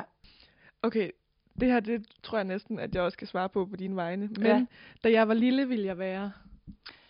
Øhm, jamen, jeg vil faktisk ikke nødvendigvis være musiker. Nej, Nej, det er lidt sjovt. Altså, det er fordi, det ville du har på bare... et tidspunkt, ikke? Altså sådan, hvornår, Jo. hvornår startede den drøm? Jamen, det er ikke... Øhm, det har som... Altså, jo, det har helt klart været en drøm, men det har været noget, jeg altid har gjort. Mm. Så det har ikke som sådan været noget... Det er noget, jeg altid har tænkt om. Det, det er jo bare en del af mig, eller sådan noget. mm. Så det har aldrig været noget, jeg på den måde har tænkt sådan, det skal jeg være. Mm. Fordi det har altid været der. Jeg har altid spillet musik som barn også og sådan noget, og sunget i kor, og, og haft min første band, da jeg gik i 8. klasse og sådan noget, vi var ude at spille med. Så på den måde, jeg tror, det er derfor, det ikke på den måde har været sådan en... Ja, fordi du ligesom var living the dream. Ja, på en eller anden måde, det lyder virkelig sådan, virkelig højrød, men, altså, og det, men det er jo bare, fordi jeg ikke har tænkt så meget over det, faktisk. Ja. Øhm, men jeg har helt sikkert, det har været en drøm for mig, at jeg ville kunne leve af det. Mm. Altså sådan, det har været en drøm. Så på den måde har det jo også været en drøm. Ja. Øhm, men der har ikke, det har ikke på den måde, det har ikke været på det plan, at jeg sådan ville være sådan kendt eller sådan noget, for eksempel. Mm. Det har aldrig været sådan rigtig et, et ønske for mig. Mm. Øhm, men det prøvede jeg så lidt, fordi jeg var med i et, som jeg også lige fortalte dig, inden programmet startede, var jeg med Ja. i et tv-program på et tidspunkt.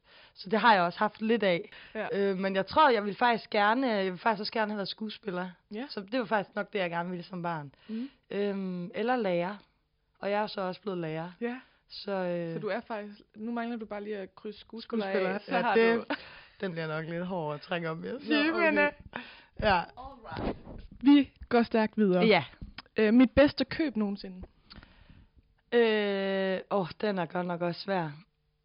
Øh, måske, måske er det min MacBook. Tror jeg måske. Det er så sjovt, du siger det, fordi jeg tror i hvert fald, halvdelen af dem, jeg snakker med, de har enten sagt sådan noget som AirPods eller MacBook. Okay, Ja. sjovt. Men det er nok fordi, man Ja. bruger det til virkelig meget. Man bruger det til virkelig meget, så det er virkelig også dyrt. Altså, Ja. det er virkelig sådan Ja. en ting, man tænker Ja. over, ikke? Jo, Eller det er sådan noget, man sparer sammen Ja. til. Og sådan, nu skal jeg have den her, fordi jeg, det bliver jeg nødt til. Ja. Øh, og den guitar, der står lige der, har jeg næsten lige købt. Aha. Så det, det er faktisk også et godt... Det er nok min bedste køb det den til der? dato. Ja. Ja, du kan godt lige... Uh... Yes.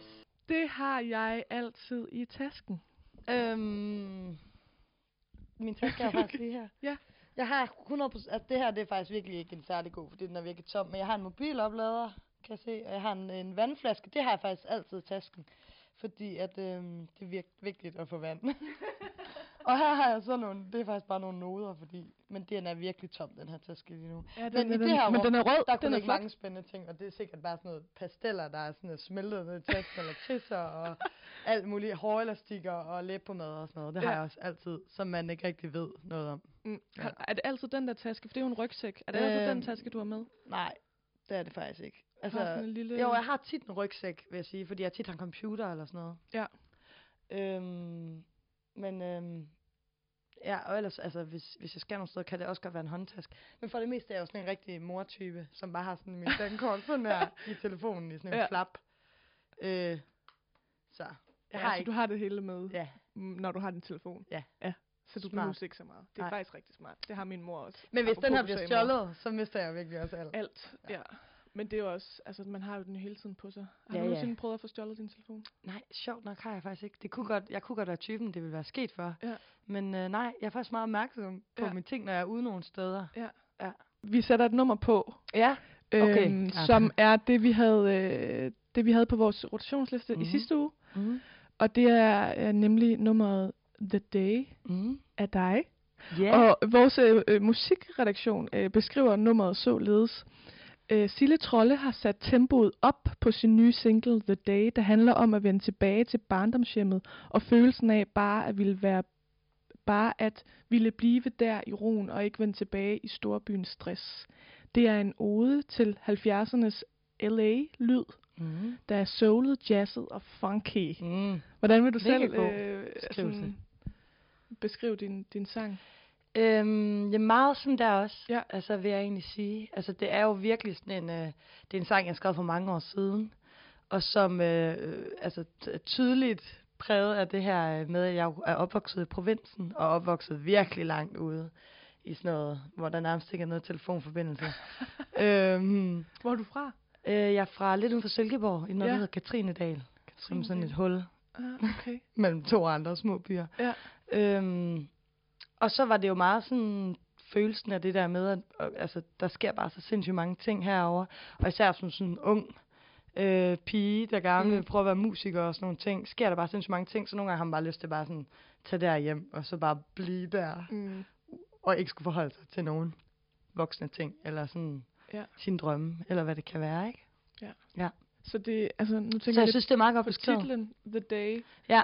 Hvad er The Day? Altså, øh, det var faktisk fordi, at titlen har i mange år været The Day That I Came Back Home. Ah, Øh, og øh, da jeg blev signet på det pladselskab, jeg er signet på nu, der var øh, de andre to, som er med i pladselskabet, var bare sådan, de kunne aldrig huske den her titel. de var bare, og det siger bare var en meget indi- god indikator på, at ja. Ja. den måske var for lang. Ja. Så blev det bare The Day. Ja. Ja. men det er jo også øh, meget godt beskrivende. ja. The Day that... Hvad var det, den The hed? Day That I Came Back Home. The Day That Ja. I Came Back Home. Og det skal vi høre nu. Juhu! Yes, du lytter til Manfred her på Uniradioen, og vi er lige nu så heldige at være i, det ved jeg slet ikke, om jeg har påpeget, at vi Ja. er i dit studie, Ja. Sille. Ja. Ja. Som ligger øh, på Amager et sted. Uh, mega hemmeligt. Ja. Uh. øhm, ja, og vi er jo i gang med at gøre dig en del af vores veninde Bogs Loge. Og Ja. øh, vi har jo snakket rigtig længe, så vi kører bare hurtigt Ja. igennem de næste spørgsmål. ja, vi tager lang tid om at svare på de her spørgsmål. Det skal nok være lidt hurtigere nu. Ja. Mit ultimative Candice Crush. Øhm, det må være Dua Lipa. Ja. 100 Forståeligt. Ja, Altså virkelig. Ja. Hun er virkelig hun dejlig. ser godt ud, synger godt, bevæger sig godt. Alt er godt. Ja. Ja. Next one. Det har jeg altid i mit køleskab. Ost. Ost. øh, min guilty pleasure. Ost. Ost. Er det en guilty? Har du det Ej. lidt dårligt med? at Ej, du så er det måske... Nej, jeg har det ikke dårligt med det. Det, jeg måske har det dårligt med, det er alt det smør, jeg putter på brødet under min ost. Okay, ja, den køber jeg. Ja. Min yndlingssang lige nu. Øhm, det er en sang, som hedder øhm, How Many Years, med en sangerinde, der hedder Jebba. Jeppa. Jebba. Som jeg næsten lige har opdaget. Mm. Den er virkelig dejlig. Ej, jeg elsker sådan lige pludselig at opdage ny Ja. musik. Jeg fik den præsenteret af en veninde, så, Ja. ja. jeg var, så har jeg lyttet til hendes album efterfølgende, som virkelig er meget øh, blandet. Hvor kommer hun fra? Er hun America. dansk? Nej, America. America. Ja. Jeg slapper ægte af, når... Øhm, når jeg laver musik, slapper jeg faktisk meget godt af. Eller sådan, det kan godt være ret terapeutisk for mig. Øh, eller når jeg går tur, tror jeg. Ja. Mm. Fordi musikken er sådan dine personlige følelser. en Ja, og det er sådan en frirum på en Mm. måde, hvor man ikke behøver at tænke på noget andet. Ja. Ja. Ja, hvis man giver sig hen til det, så er det fandme magisk. Ja. Jeg griner altid når. Øhm, øh, det ved jeg sgu ikke rigtigt. Du griner aldrig. Nej, Nej. jeg er en meget trist Meget- menneske. Ja, meget surt menneske. øh, det ved jeg faktisk ikke. Mm. I don't know. Jeg ved sgu ikke, hvornår jeg altid griner. Altså, jeg griner ret tit sammen med mine venner, synes jeg. Ja. Ja, Men det er også et, et godt svar, ja. vil jeg sige. Og det var altså vores sidste øh, spørgsmål i Nå, Venindebogslution. Ja. Og, øh, og så er vi jo lige blevet et øh, medlem rigere, og det er Ja. nu med dig, Sille Jamen, Trolle. Jeg er så beæret over, jeg må være med. Og lige et sidste spørgsmål. Altså sådan, Ja. kan man opleve øh, dig live i den næste fremtid, eller kommer der et Ja. nummer i fremtiden? Man kan opleve mig den 30. marts. 30. marts. Det er jo lige om snart. Det er jo lige om lidt. Ja. Hvor jeg skal spille support for Maja og de sarte sjæle, Mm. hvis man har hørt om dem. På, øh, på Lillevega. Ja. Ja. Så den 30. marts, Lille Ja. Vega. Kom. Mm. Præcis. Og vi afslutter det hele af med øh, et nummer øh, fra dig, som har fået flest øh, lyts på Spotify, så vidt jeg kunne se i hvert fald. Okay. Øh, og det er nummeret Backwards. Mm. Kan du øh, præsentere det for vores øh, lyttere? Ja. Backwards er jo min øh, debutsingle, Ja. som er sådan øh, lidt mere mørkt. Hvis man har lyttet til The Day, er det lidt mere mørkt, lidt mere jazzet måske. Der er et øh, virkelig fedt mandekor, som man skal glæde sig til. Mm. Ja. Fedt. Jamen, øh, så kommer det nummer øh, nu, og så skal du have virkelig mange tak for, at vi måtte komme her i dit studie Ja. på Amager. I er velkommen. Øhm, så ja, så nu skal vi høre nummeret Backwards med Sille Trolle. Velkommen tilbage til Manfred på Uniradioen. Klokken er 10.30, og din værter i dag er Johanne Fej Larsen og Mathilde Carlsen. Og vi har lige fået endnu et medlem øh, af Venindelusion, og det var Sille Trolle. Så hun er simpelthen med i klubben nu, og øh, det er simpelthen ikke nok, fordi vi har mere til jer. Vores kære Josefine fra redaktionen har nemlig også været ude på en lille tur og finde nye medlemmer til logen. Vi skal derfor nu til endnu en ceremoni, og denne gang er det med Komorebi Garden, som du faktisk også kan opleve til Uniradioen præsenterer her den 7. april på huset i Musikcaféen. Johanne, vil du øh, afspille interviewet? Det vil jeg da rigtig gerne. Og det kommer her. Så er det sørme blevet tid til endnu et nyt medlem i vores eksklusive venindebogsloge. Og i dag, ja, der har jeg været så heldig at få besøg af Ronja Rose, Axelbo Andersen og Ejkel Hein Jespersen, som tilsammen udgør Komorebi Garden. Øh, tak fordi I vil komme og gennemføre ceremonien, og velkommen til naturligvis. Tusind tak. Tak fordi vi må komme. Inden vi officielt helt går i gang med vores ceremoni, jamen, så kan jeg jo lige passende fortælle jer, hvad I skal igennem. Jeg kommer til at stille jer en række spørgsmål, som I skal svare på her i venindebogsnotionen. Men den gode stemning er selvfølgelig alfa og omega. Og derfor, øh, hvis der er nogle af spørgsmålene, som bliver lige lidt for grænseoverskridende, så har vi et safe word. Så hvis det bliver for meget, så skal I bare sige ananas. Er I med på det? I ser meget skræmt ud. Vi er klar. Det er ikke så det slemt, som det lyder. Det er slet ikke så slemt, som det lyder. Øhm, Udover de her herlige spørgsmål, jamen, så har I jo også taget en ting med. Mm. Og øh, den skal vi have beskrevet og snakke om lidt senere. Ja. Men, men først, så skal jeg lige høre, har I nogensinde været med i en venindebog før? Aldrig nogensinde. Det har jeg aldrig. Det Heller. er altså debut. Ja, det bliver venindebåd. Det Altså, bliver fedt. Den her lille dittelbog, der ligger på bordet, den... Ingen venindebog? Nej. Ej, jeg, tror måske havde jeg faktisk en, øh, ja, hvor jeg skrev lidt ind om mine venner og veninder. Tanker og følelser. Det hele. Jeg tror, den var grøn. Jo, nu kommer det. det kommer tilbage alle minutterne. Fedt. Jamen, øh, jamen, så for nogens vedkommende, så skal I have taget jeres møde om i at komme ind og have lavet en venindebog. Men ellers så tænker jeg bare, at øh, vi går i gang. Er, er I klar på det? Ja. Ja. Perfekt. Første spørgsmål. Udover mit navn kalder folk mig, og jeg tænker, at vi kan starte med dig, Ejgil. Ja. øhm, siden jeg var i folkeskolen, har folk kaldt mig Ejner. Ejner. Øhm, et, det er et rigtig godt spørgsmål, hvorfor de kalder mig Ejner. Måske er det på grund af MC Ejner. Jeg kan godt lide rapmusik. Men øh, jeg er i hvert fald blevet kaldt Ejner.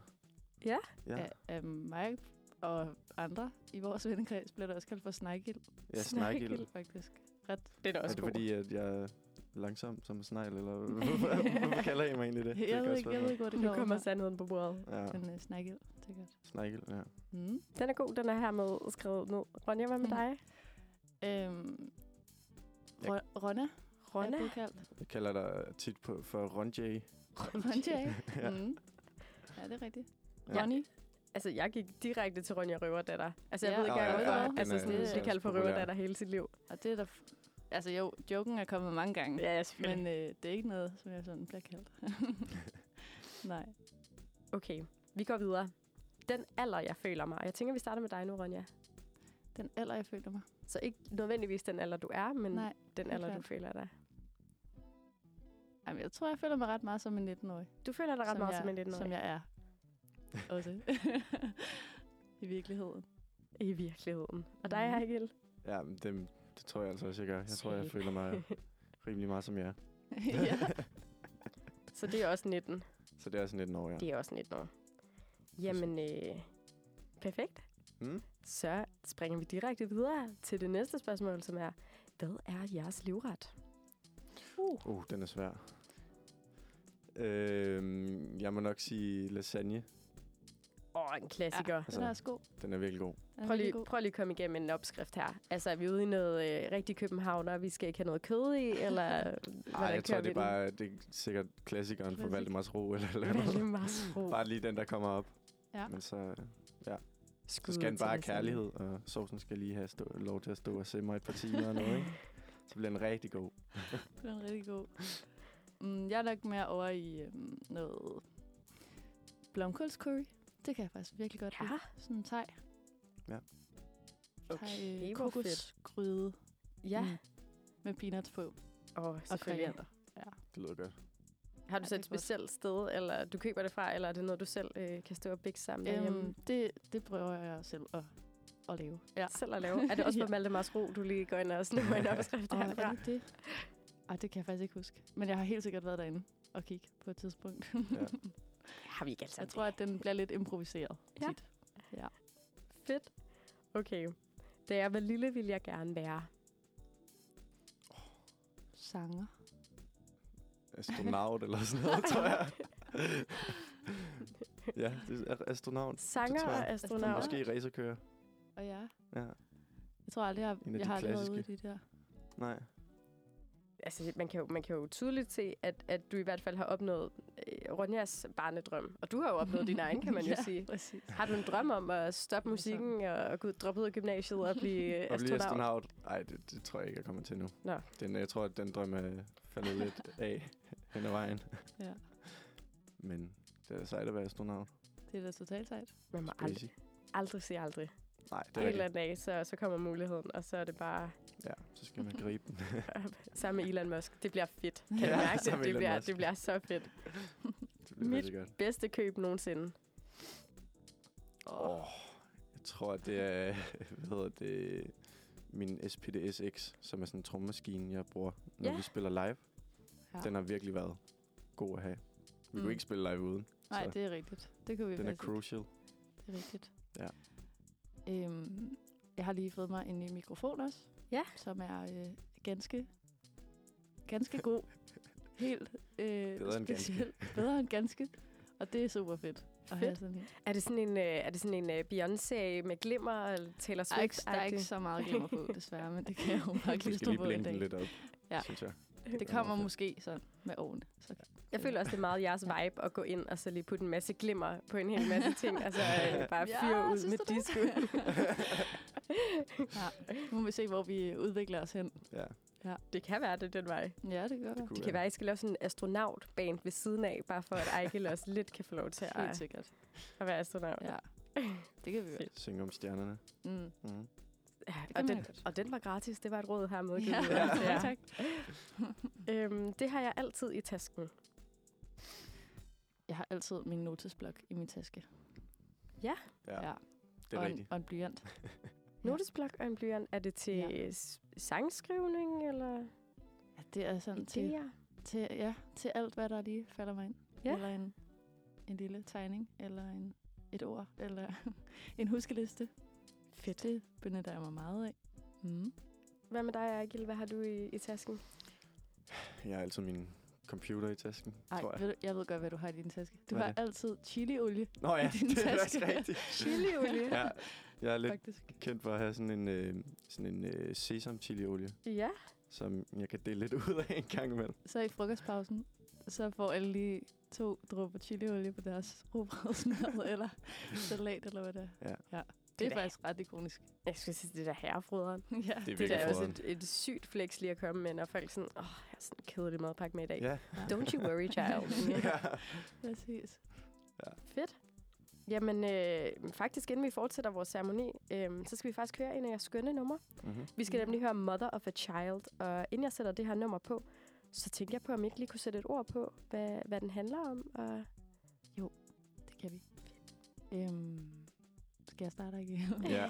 Mother of a Child. Øhm, sangideen kom af, at faktisk mig og Ejgil og nogle af vores venner, vi sad om et bål øhm, i sommeren for to år, tre, to og et halvt år siden.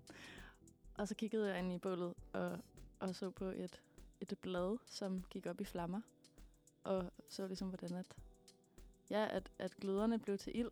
Og der var bare den her sådan, eksplosion, og jeg kom til at tænke på, sådan er der også lidt med idéer, sådan det der med, at man, der er et, et eller andet lille startskud til noget, som så lige pludselig kan eksplodere inde i en, og, og det, bliver lige det bliver noget meget skrøbeligt og noget meget værdifuldt for en, som man gerne vil dele. Øhm, så det var lidt det, der faktisk var, var tanken, at man, at man, kan, man føder en idé og prøver at passe så godt på den, som man kan. wow. Ja. Ej, hvor fedt. Har du Mhm. noget, du vil supplere til, til den ellers gode beskrivelse? Det tror jeg ikke. Jeg synes, det var en rigtig god, en rigtig, rigtig god beskrivelse. Tak, Ejgil.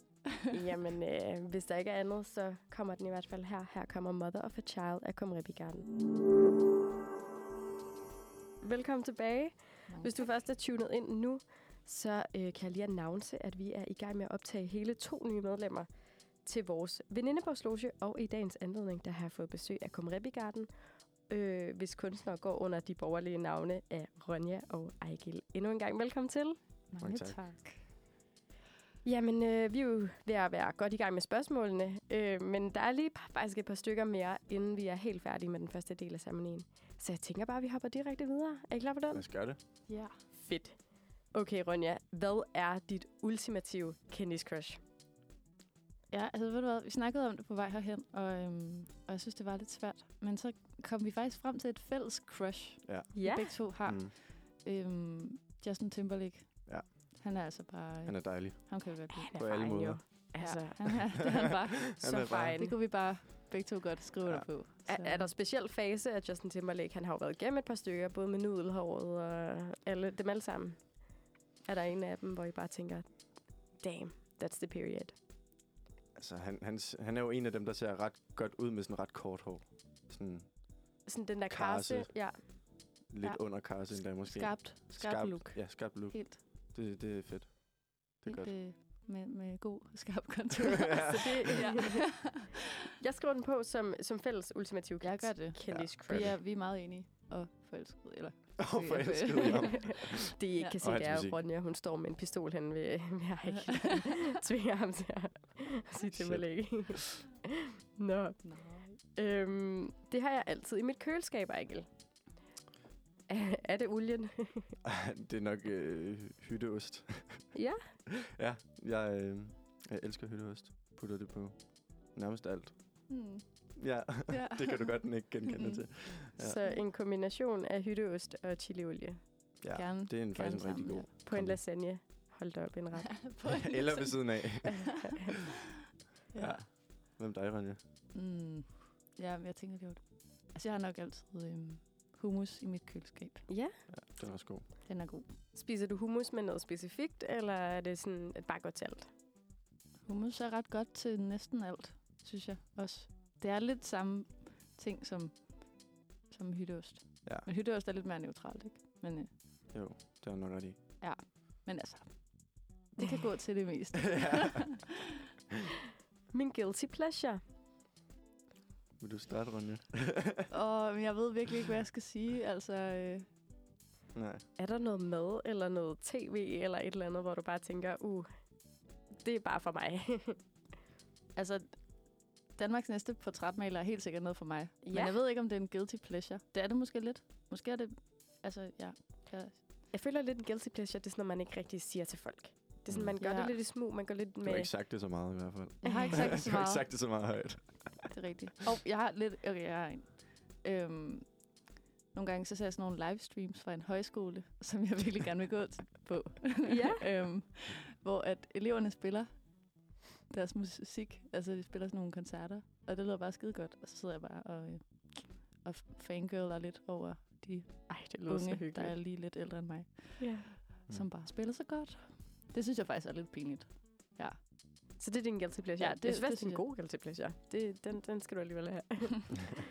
Min guilty pleasure, det er nok øh, at bygge Lego, faktisk. ja. Ja. Jeg kan Nå, godt lide. jeg, jeg tror, jeg faktisk jeg fik en, et Lego-sæt i julegave, hvor det ikke skal være løgn. uh, fordi jeg ønskede mig det. Fordi Fedt. det er bare virkelig, der er noget sådan helt meditativt over at sidde og bygge Lego. Ja. Og så øh, helt klart Lego Star Wars, det er det bedste. Altså, det er jeg jo kæmpe fan af. Jeg er jo Star Wars-entusiast, udover at det Ja. er sædvanlige, så det, det synes jeg bare er så sejt. Det er måske min guilty pleasure. Det var Ja. overhovedet ikke nogens vedkommende. Nu kom men, den også ud. nu kom den med. Det kan være, at I kan optage mig som et tredje medhjælp, Ja, så det er ikke baggrundsdanser. Nå, min yndlingssang lige nu, uh, den er, den er god.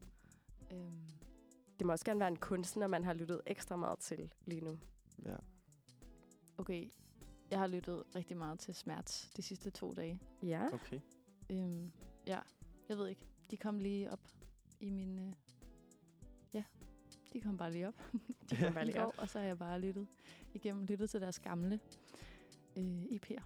En specifik sang, du vil fremhæve? Ja, Believer er et super fedt nummer, de Ja. har lavet.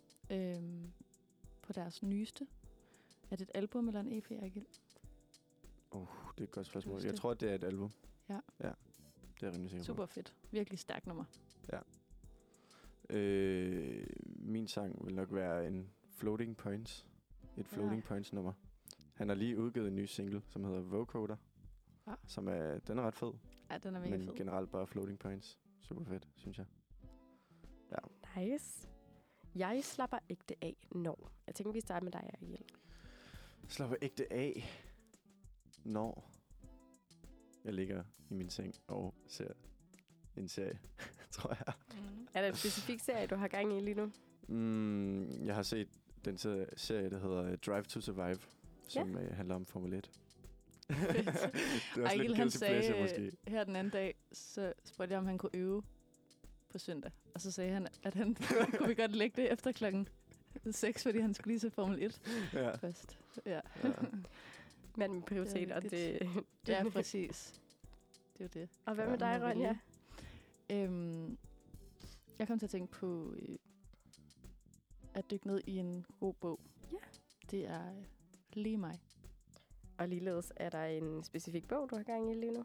Det er det faktisk. Øh, jeg læser en bog, som hedder Et lille liv af Yanya Yanagara, tror jeg nok hun hedder. En japansk forfatterinde. Og den er bare super, super smuk, faktisk. Fedt. Mm. Om nogle unge mennesker. Ja, skal Fedt. finde ud af deres liv. Finde ud af deres liv. Det, det, det Ja. Svaret på, hvis du nogensinde finder ud af det, så tror jeg, at du vil blive Ja. mange milliardærer. Det er noget, det ja. tror jeg, der er mange, der Det ønsker. tror jeg også. Jeg griner altid når. Jeg tror, jeg griner altid, når der er en fra vores klasse, der hedder Jonathan, som bare er virkelig sjov. når han siger noget, så griner jeg bare. Ja, ja ham kan man grine Ja. meget af. Vi går nemlig i, i gymnasieklasse sammen. Ja. Mig og Ronja.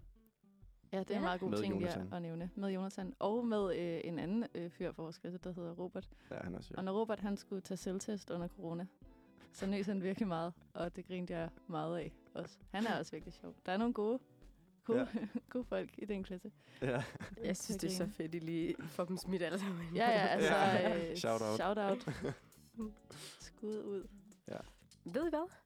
Det konkluderer faktisk her med alle spørgsmålene, der er i, i venindebogsceremonien. Men bare rolig. Vi er så ikke helt færdige endnu. For der er jo en anden del. Og I har jo taget en ting med. Øhm, kan I fortælle lidt om, hvad I har taget med? Ja. Skal jeg starte? Ja. Øhm, jeg har taget min loop station med. Ja. Som er en, øh, et stykke elektronik, hvor man kan optage sig selv, og så gentager den, det man lige har optaget. Og så kan man ligesom lægge flere lag ovenpå. Så der har jeg, den har jeg brugt meget til at, at synge med mig selv og finde på kor, øhm, som vi også har brugt i Komorevi Gardens musik. Ja. Så den betyder meget for mig. Ja. Den har gjort meget. Fedt. Mm. Og hvad med dig, Ejgil? Hvad har du taget med? Jeg har taget en, øh, en LP med, Ja. som øh, er et album af Hiatus Coyote, der hedder Choose Your Weapon. Mm.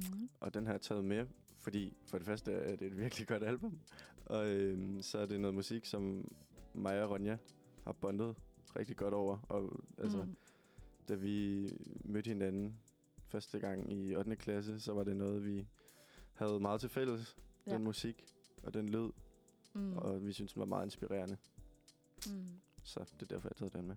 Ej, det, det lyder jo som en super fin betydning, den også har givet for jer. Begge, begge jeres genstande har jo egentlig betydet mm. Super meget for jeres fremgang i, i jeres, ja. jeres band, så det er jo Ja. det er Ja. virkelig nice. Jamen, øh, hvis jeg havde en fanfare, det har jeg ikke, men hvis jeg havde en, så, så var den altså blevet afspillet nu, fordi I er, I er nu officielle venindebogs medlemmer i, i Manfreds venindebogsloge. Og ja, Fedt. det er noget, I, I kan skrive på jeres allerede imponerende CV. Så I går bare ind og opdaterer jeres sociale medier efter det her. Fedt. Og inden jeg lige giver helt slip på jer, så vil jeg gerne lige høre, hvad jeres fremtid byder på. Øh, om I har nogle kun- spændende koncerter i vente. Jeg ved jo naturligvis, at I har jeres Uniradio Præsenter koncert Mhm. den 7. 4. på Musikcaféen. Ja. Øhm, men hvis der er andet, I gerne lige vil, vil fremhæve, eller et eller andet, I synes er mega nice, så now's your time to shine. Helt klart. Øh, jamen altså, vi skal spille på øh, Spot Festival Ja. den 6. maj. Det er så i Aarhus. Så øh, Ja. Ja. til alle jer derude, Ja. der bor der. Og scenen hedder, vist, er det Ung Ung K? K. Ja. Ja. Så Det bliver virkelig spændende. kom der forbi, hvis I har lyst. Det, det, det har givet videre til lytterne. Ja da. Og så skal vi, så er vi i gang med at skrive en masse ny musik lige nu, Ja. Ja. som, øh, som udkommer så snart vi er færdige med det. Ja. For det er en stor ting at, at indspille. Ja. Øh, så meget musik.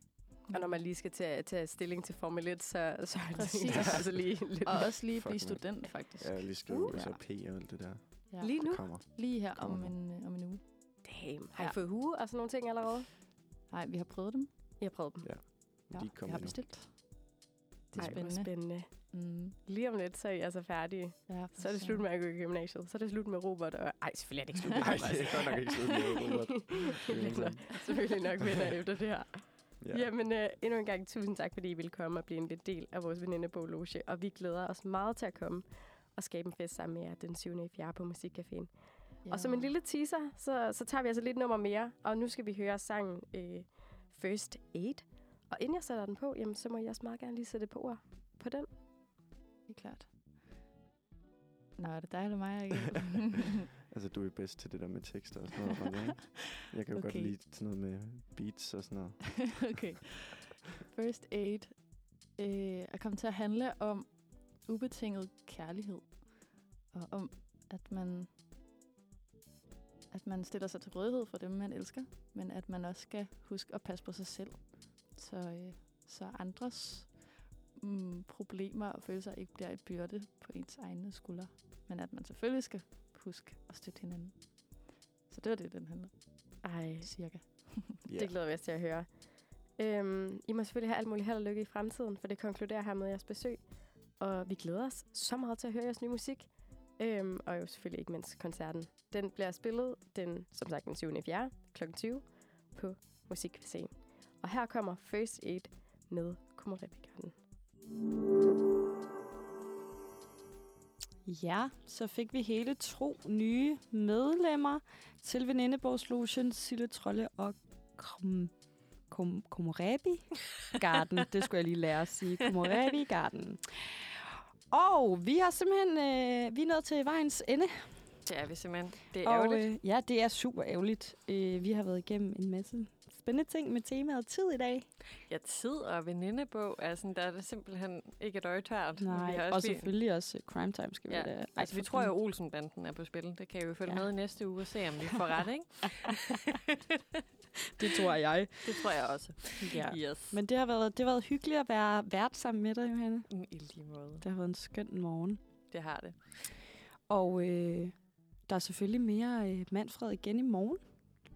Der har torsdagsredaktionen sikkert et rigtig godt program klar til jer. Det er jeg sikker på. Det er jeg også. Og vi lyttes ved om en, om en uge. Ja, det gør vi. Ja. Tak for i dag. Tak for i dag. Hej hej.